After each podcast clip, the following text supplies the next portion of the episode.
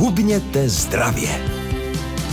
Dnes si posvítíme ne na vás, na světlo jako takové, protože to bude mít hlavní roli v našem seriálu Hubněte zdravě, kde je hostem tradičně doktorka Kateřina Cejdamová. Dobrý den. Dobrý den, Patriku. A já vždycky žasnu, že vy od někud vyhrabete nějaké téma, jako například o světle, a dáte mi tam takové otázky, že já si připadám jak u maturity. Takže já jsem si zopákla z hygienu prostředí. Eh, prostudovala jsem spoustu různých věcí o světle a doufám, že vás to, milí posluchači, bude dneska moc bavit. O světle jako o způsobu, jak hubnout, jak žít zdravě a jak prospět našemu tělu, jaké účinky to světlo na nás má. I na to se těší Patrik Rozehnal. Hubněte zdravě s Kateřinou Cajdhamlovou. Světelné povídání nás čeká s doktorkou Kateřinou Cajdamlovou v seriálu Hubněte zdravě. Je o zdravém životním stylu a světlo k němu rozhodně patří. Pomůže nám tedy dostatek světla eh, k posílení zdraví nebo dokonce třeba s hubnutím? No, my totiž v současnosti trávíme obrovské množství času uvnitř, v podstatě bez slunečního záření. Naši předkové trávili kolem takových 6 hodin eh, denně na eh, volném prostranství, to znamená, byli hodně ozářováni a říkalo se, že kam nechodí slunce, chodí lékař. Podle dnešních výzkumů, tak třeba američani stráví 93% svého bdělého času uvnitř. To je strašná prostě pálka. A vlastně je to proto, že my se nepohybujeme chůzí, nechodíme na procházky, všude jezdíme autem, nechodíme na nákupy, jako ještě naše vlastně eh, předchozí generace chodila na nákupy za socialismu eh, do různých mnoha obchodů, takže my máme supermarket. No, protože se chodilo denně na malý nákup a to se ano. zvládlo. Ano, samozřejmě vracely se flašky, že yeah. dělalo se, chodilo se se sběrem, prostě pořád se chodilo a mladí lidé spolu chodili, oni spolu nečetovali. To znamená, Máme že víc být venku tedy? Eh, měli bychom, protože světlo v rámci hygieny prostředí je jedna z velmi důležitých fyzikálních charakteristik prostředí, ve kterém my se pohybujeme. Kromě e, zvuku, tedy i hlukových nějakých e, dějů, prachu, vibrací, je elektromagnetické záření rozdělené na ionizující a neionizující velmi důležitým a velmi sledovaným faktorem hygieny prostředí. Abych jenom teda teďko rychle... Elektromagnetické záření záření je světlo. Ano, ano, jo, ano. To právě jsem chtěla teďko definovat. Aha, víte, definujte. Mi scháče do řeči. Světlo je elektromagnetické záření, které dělíme podle vlnové délky a hygienicky významné je jenom takzvané optické záření. Víte, z jakých součástí se Patriku skládá optické záření? To je takové to nějaké bílé, červené světlo a podobně? Ale kde pak? Ne? To je ultrafialové. Potom světelné, to je to, které vidíme, to znamená, to jsou ty barvy, to je maličká část spektra. A potom je infra červené, tedy tepelné a kus ještě trošku červeného záření a to všechno je optické záření. A představte si, že 80% tohoto záření vnímáme mozkem přes sítnici oka a 20% vnímáme celou kůží našeho těla. To je překvapivé, že jo? Člověk by myslel, že to je obráceně. Proto nám je hezky, když vidíme sluníčko a tak.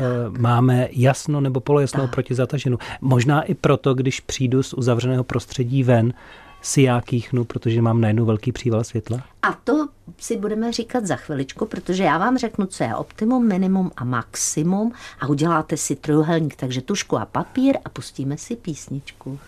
Máte tušku a papír, vyzvala k tomu už před písničkou doktorka Kateřina Cajdamlová. Budeme vám vyprávět o světle a jak si ho rozdělovat. Zřejmě jde o to, jak na nás světlo působí. Ano. Můžeme to popsat i bez toho? Zkusíme. To znamená, ten trojuhelník má tři vrcholy. Jeden je minimum, to znamená to absolutní minimum, které potřebujeme k udržení našich fyzikálních funkcí minimum organismu, světla. minimum světla a je to důležité pro naše biorytmy. První z toho minima, když lezeme po té hraně, tak objevíme vlastně fyziologické minimum, při kterém ale už začínáme mít jakoby normální hormonální činnost, normální biorytmy, máme dávku světla, při které ještě rozeznáme rozdíly světlo stín, rozeznáme tvary, čili tohleto, to je to první, co potkáme na té hraně. Ano. A druhé je psychologické minimum. Ještě nemáme zrakovou pohodu, už vlastně vidíme nějaké obrysy, něco, ale je to doba, kterou potřebujeme strávit ve světle přes den. Pokud lidé odejdou někam do temnoty, tak vlastně zhruba po těch 24 hodinách začnou mít nepříjemné různé pocity. Třeba budou plačtiví, začnou být depresivní, někdo má můry, někdo má halucinace. Prostě proto, že nedosáhli svého psychologického minima osvětlení, které potřebují. To znamená, když nemáme dostatek světla, naopak třeba v noci to na nás padne takzvaně? Padne to na nás, zejména pokud například je celý den zataženo. To mi pacienti hmm. říkají, že vlastně nemají sluneční svět a mají pocit, že jako mají deku na sobě. Tak to je přesně to, co popisuje tahle strana toho trojuhelníku. A teď zase, když z toho optima. Jdeme dolů, kde je maximum, tak tam potkáme s optima, kdy to bylo jako všechno dobré, měli jsme zrakovou pohodu, byli jsme dostatečně na slunci, bylo to prostě fajn tak najednou rušivé oslnění. Například, když jedete autem a vyjíždíte na kopec a zapadá sluníčko, tak vám najednou zazáří do obliče a vy nevidíte ani tu cestu, nevidíte ani značky a nevidíte ani protijedoucí auta, i když mají rozsvíceno. Takže toto rušivé oslnění vlastně nám zabraňuje eh, využít svou zrakovou ostrost a rozlišovat jednotlivé vlastně tvary. Zachová se náš mozek nějak tělo obraně, aby třeba jsme neudělali něco špatně? No tak ono nám eh, bohužel zúží zorničku, aby tam teda ten průnik toho světla byl menší. Jestli nás třeba nějak Jenomže... neparalizuje? Může nás paralizovat, můžeme se leknout, můžeme takzvaně zamrznout. Výsledkem je, že se nám strašně prodlouží reakce a můžeme být opravdu ohroženi. No a když jdeme ještě blíž k tomu maximu, tak máme fyziologické oslnění. A tímhle týrali eh, zase věznitelé své vězně, že jim zase vůbec nezhasínali. A ten člověk je fyziologicky oslněn, to znamená dostává obrovskou obrovskou dávku světla, ruší to soustředění, mozkovou činnost, začne být opět emocionální. Čili ta naše zraková pohoda na tom trůhelníčku je poměrně maličká. Hmm. To znamená, tohle právě eh, kontrolují eh, orgány hygienické služby, například, aby noční osvětlení nerušilo, neoslňovalo, aby v dopravě to oslnění neprobíhalo, aby při práci v pracovním prostředí nás světelné zdroje je jednak teda dostatečně osvětlovali, ale zase neoslňovali. Dá se to v přírodě najít eh, jako ideální stav toho světla, že je to třeba sluníčko odpoledne na jaře eh, za jasné oblohy nebo tak? Ideální je, když jsme celý den venku. A to si za chviličku povíme, protože ráno Nás to sluníčko probouzí červeným světlem, potom se rozpálí do toho žlutého, které má nějaké fyziologické efekty a končí tím oranžovým červeným, který zase přechází do té modré tmy. A my si za chviličku řekneme, jak jednotlivá světelnost, barva, spektrálnost vlastně ovlivňuje naše fyziologické funkce. Slibuje ve vysílání Českého rozhlasu Region Rádia vašeho kraje doktorka Kateřina Cajdamlová. Hubněte zdravě s Kateřinou Cajdámlovou. Světlo se skládá z různých barev, na to teď narazíme v našem světelném povídání v seriálu Hubněte zdravě s doktorkou Kateřinou Cajdhamlovou. Už jste mluvila o tom, že průběh je různý během dne. Začínáme červeným a končíme zase u toho červeného světla. A vlastně i to slunce mění barvu. Jak to na nás tedy přes den působí? No ono na nás působí nejenom to spektrální složení, to znamená ta barva, ale i to množství, protože to sluníčko na nás i září. Máme tam to infračervené tepelné záření, takže to působí energeticky. A my jsme v jednom z předchozích dílů hovořili o tom, že je to docela významné a že nás jako e, v poledni v létě může slunce zásobit až 13 tisíci kilojouly. My sice 7 tisíc vypotíme, ale pořád je to významná energetická dodávka. Potom taky záleží, jak trvá dlouho to světlo. Může to být krátkodobé. Už jsme hovořili o tom, jak chodí ty mraky a je zataženo, takže se to může střídat. Je to dynamické. A potom vlastně i to časové střídání, které nám určuje ty naše biorytmy. Takže přirozené denní světlo, jeho základním charakteristickým rysem je, že je proměnlivé, dynamické, mění se barevně. To v životě doma nemůžeme dosáhnout a vlastně i se synchronizuje s tím vlastně, jak my cítíme to teplo.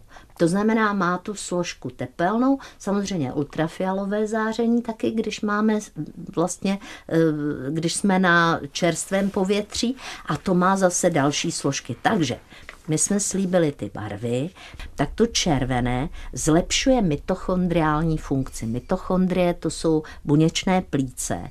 To znamená, to je to, co nám dodává kyslík a vede k regeneraci, snižování zánětu, zlepšení sportovního a fyzického výkonu. Muži, poslouchejte, zvyšuje testosteron. Takže jako chlap, který vstává ve čtyři, aby viděl východ slunce a potom chodí spát až po západu, možná na tom s produkcí testosteronu bude líp, než ten, který vstává pozdě a při modrém světle kouká na televizi do hlubokého hluboké noci. To je rada. No a zlepšuje e, vlastně regeneraci kloubů a kůže a zlepšuje dokonce i mikrocirkulaci. NASA udělala dokonce terapii červeným světlem jako něco, co budou mít astronauti ve vesmíru. Dokonce se už teď objevují v tom kosmetickém průmyslu jakési masky, které si nasadíte a na ten obličej nebo i na krk svítí červeným světlem a prý to právě pomáhá té kůži vyhlazování vrásek. Funguje to? Pravděpodobně ano, jsou na to velké řady různých eh, výzkumů, ale já si myslím, že záleží, kdy si to na tu kůži dáváte. Vy byste si to měli dávat ráno vlastně večer. ráno a večer. A jestli si to dáte v 11, možná vám to naruší biorytmus. O dalších barvách a o světle si budeme povídat už za malou chvíli.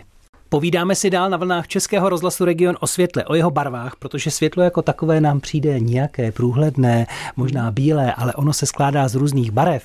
Právě proto tak na nás působí. Ta červená barva, tu ještě zmíníme v této chvíli právě s paní doktorkou.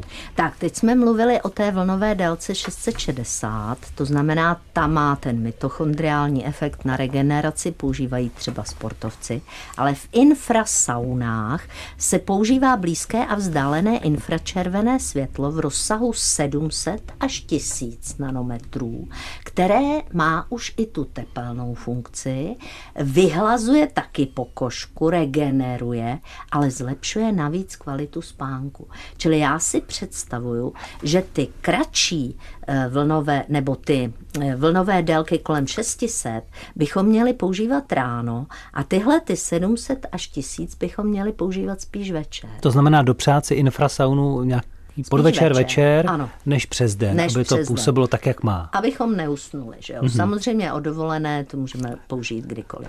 Pak tu máme další a to je zelené světlo.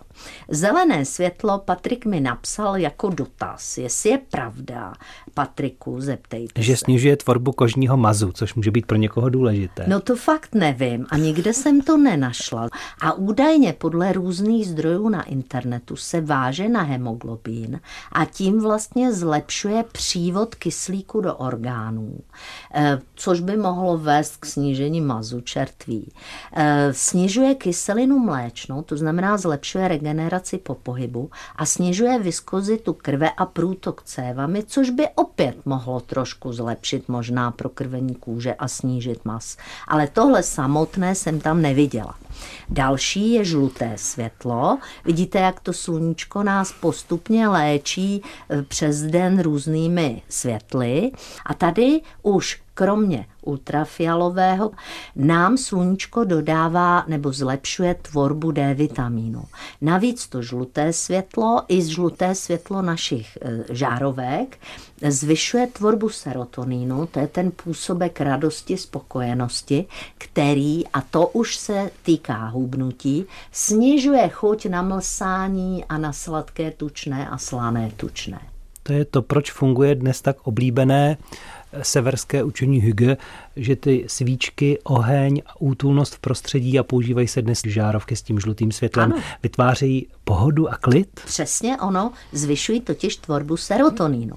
No a dokonce v experimentálních e, studiích se používaly na zlepšení stavu pacientů s roztroušenou sklerózou a na zkrácení léčby boreliozy, což je velmi zajímavé. Zatím na to těch studií úplně není dost, takže bych to nerada říkala jako léčte se tak. Jestli se nepletu v tom spektru, jsme ještě nezmínili modré světlo, které často ale e, vy zmiňujete a varujete před ním. Tak, tak.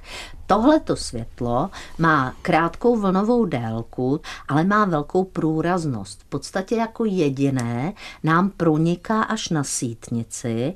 Za normálních okolností dělá třetinu viditelného světla. To je jako velká část. Je to ale vysoce energetické viditelné světlo a pokud se, proto se říká, jako, že se nemáme koukat moc do oblohy, eh, protože obloha vlastně eh, je modrá kvůli tomu, že se rozptilují krátké vlnové délky na molekulách vody a vzduchu a vytváří právě tu modrou, takovou tu zářivě modrou oblohu. Potom tohle světlo najdeme v letkách, v televizních obrazovkách s tou plochou obrazovkou, v zářivkách, ale bohužel na displejích PC a různých smartphonů. Ten problém je, že ono tohle modré světlo dráždí tu sítnici, dosahuje až k ní a zvyšuje e, riziko takzvané makulární degenerace, to znamená ničí ta místa nejostřejšího vidění a může docházet ke slepotě.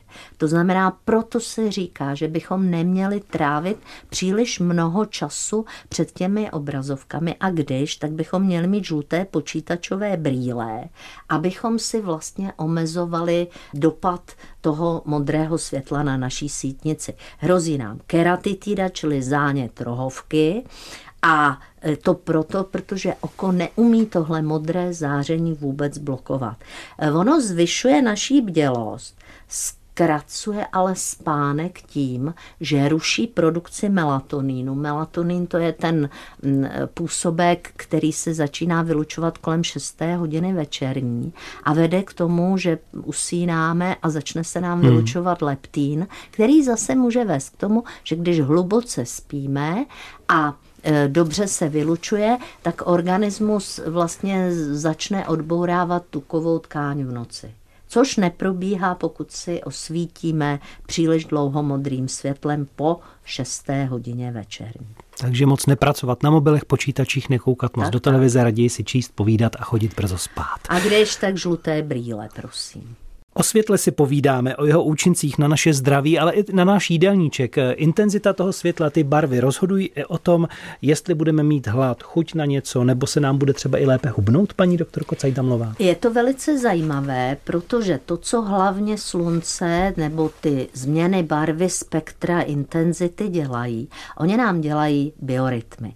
Biorytmy to je něco, co máme zřejmě vrozené, protože my jsme přírodní druh, který se opravdu eh, teprve 12 tisíc let ze celého půl až milionového eh, let eh, Období. vývoje se pohybuje uvnitř. To znamená, že naše cirkadiální neboli den rozdělující rytmy nám jednak ordinují hormonální funkci, o tom už jsme trošku mluvili, čili štítná žláza pracuje v těchto rytmech, nadledviny pracují, to znamená adrenalín se nám vylučuje, kortizol se nám vylučuje, spánkový hormon se nám vylučuje, leptín se nám vylučuje. To znamená, měli bychom dát na to denní světlo a být vystaveni jeho přirozeným účinkům, ano. než to lámat tím umělým osvětlením, Přesně protože si tak. můžeme rozhodit eh, zdraví a i třeba metabolismus nebo ano. vylučování a tak? Ano, nejen to, ale cirkadiální rytmy, to znamená, že začínáme červeným světlem, to se postupně zežluťuje, pak zase klesá do toho oranžovo-modrého až teda nočního fialového, tak to taky vede k tomu, že se kontroluje naše tělesná teplota. Čím máme větší tělesnou teplotu, tím máme větší výdej. To znamená, proto má být ten oběd největší jídlo dne.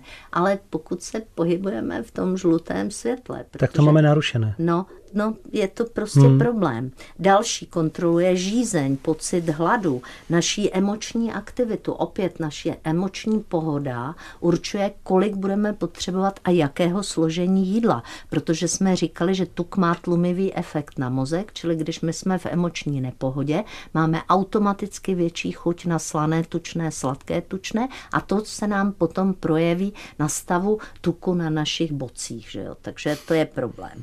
E, zvyšuje Zvyšuje se vylučování dopamínu během těch eh, cirkadiálních rytmů, což udržuje naší bdělost, soustředění i eh, výkon. A o tom, že eh, různé vlastně barevné typy světla přes den na nás působí i léčivě, jsme už hovořili. A pořád být jenom v tom žlutém světle, které navíc nemá žádnou teplotu, protože eh, hmm. přes ten den ráno, že jo, je zima, pak se postupně zvyšuje teplota, pak zase to klesá. To znamená, že my se i otužujeme, pokud se pohybujeme venku a pokud jsme uvnitř, tak se neotužujeme a náš metabolismus zůstává přibrzděný. To znamená, že my vlastně přicházíme o obrovské množství různých dějů, které nám zvyšují metabolický obrat, vedou k přizpůsobivosti obrany schopnosti, tvorbě vitamínu D, eh, cirkadiálním rytmům, normálnímu spaní, čili my se připravujeme o neuvěřitelné benefity, které nám život v přírodě dodával a na nějž my jsme vlastně miliony let adaptováni nezatemňovat, víc otevírat okno, víc chodit ven a pomůže nám to. Pomůže. A brzo vstávat. Říká se, kdo vstává se slunce východem a chodí spát po slunce západu, bývá zdravější, výkonnější, šťastnější a veselější než ten, kdo to nedělá. Ať do takové skupiny patříte i vy, to vám pro dnešek a na závěr našeho pořadu přejí Patrik Rozehnal a doktorka Kateřina Cajdámlová na shledanou. Hubněte zdravě s Kateřinou Cajdámlovou.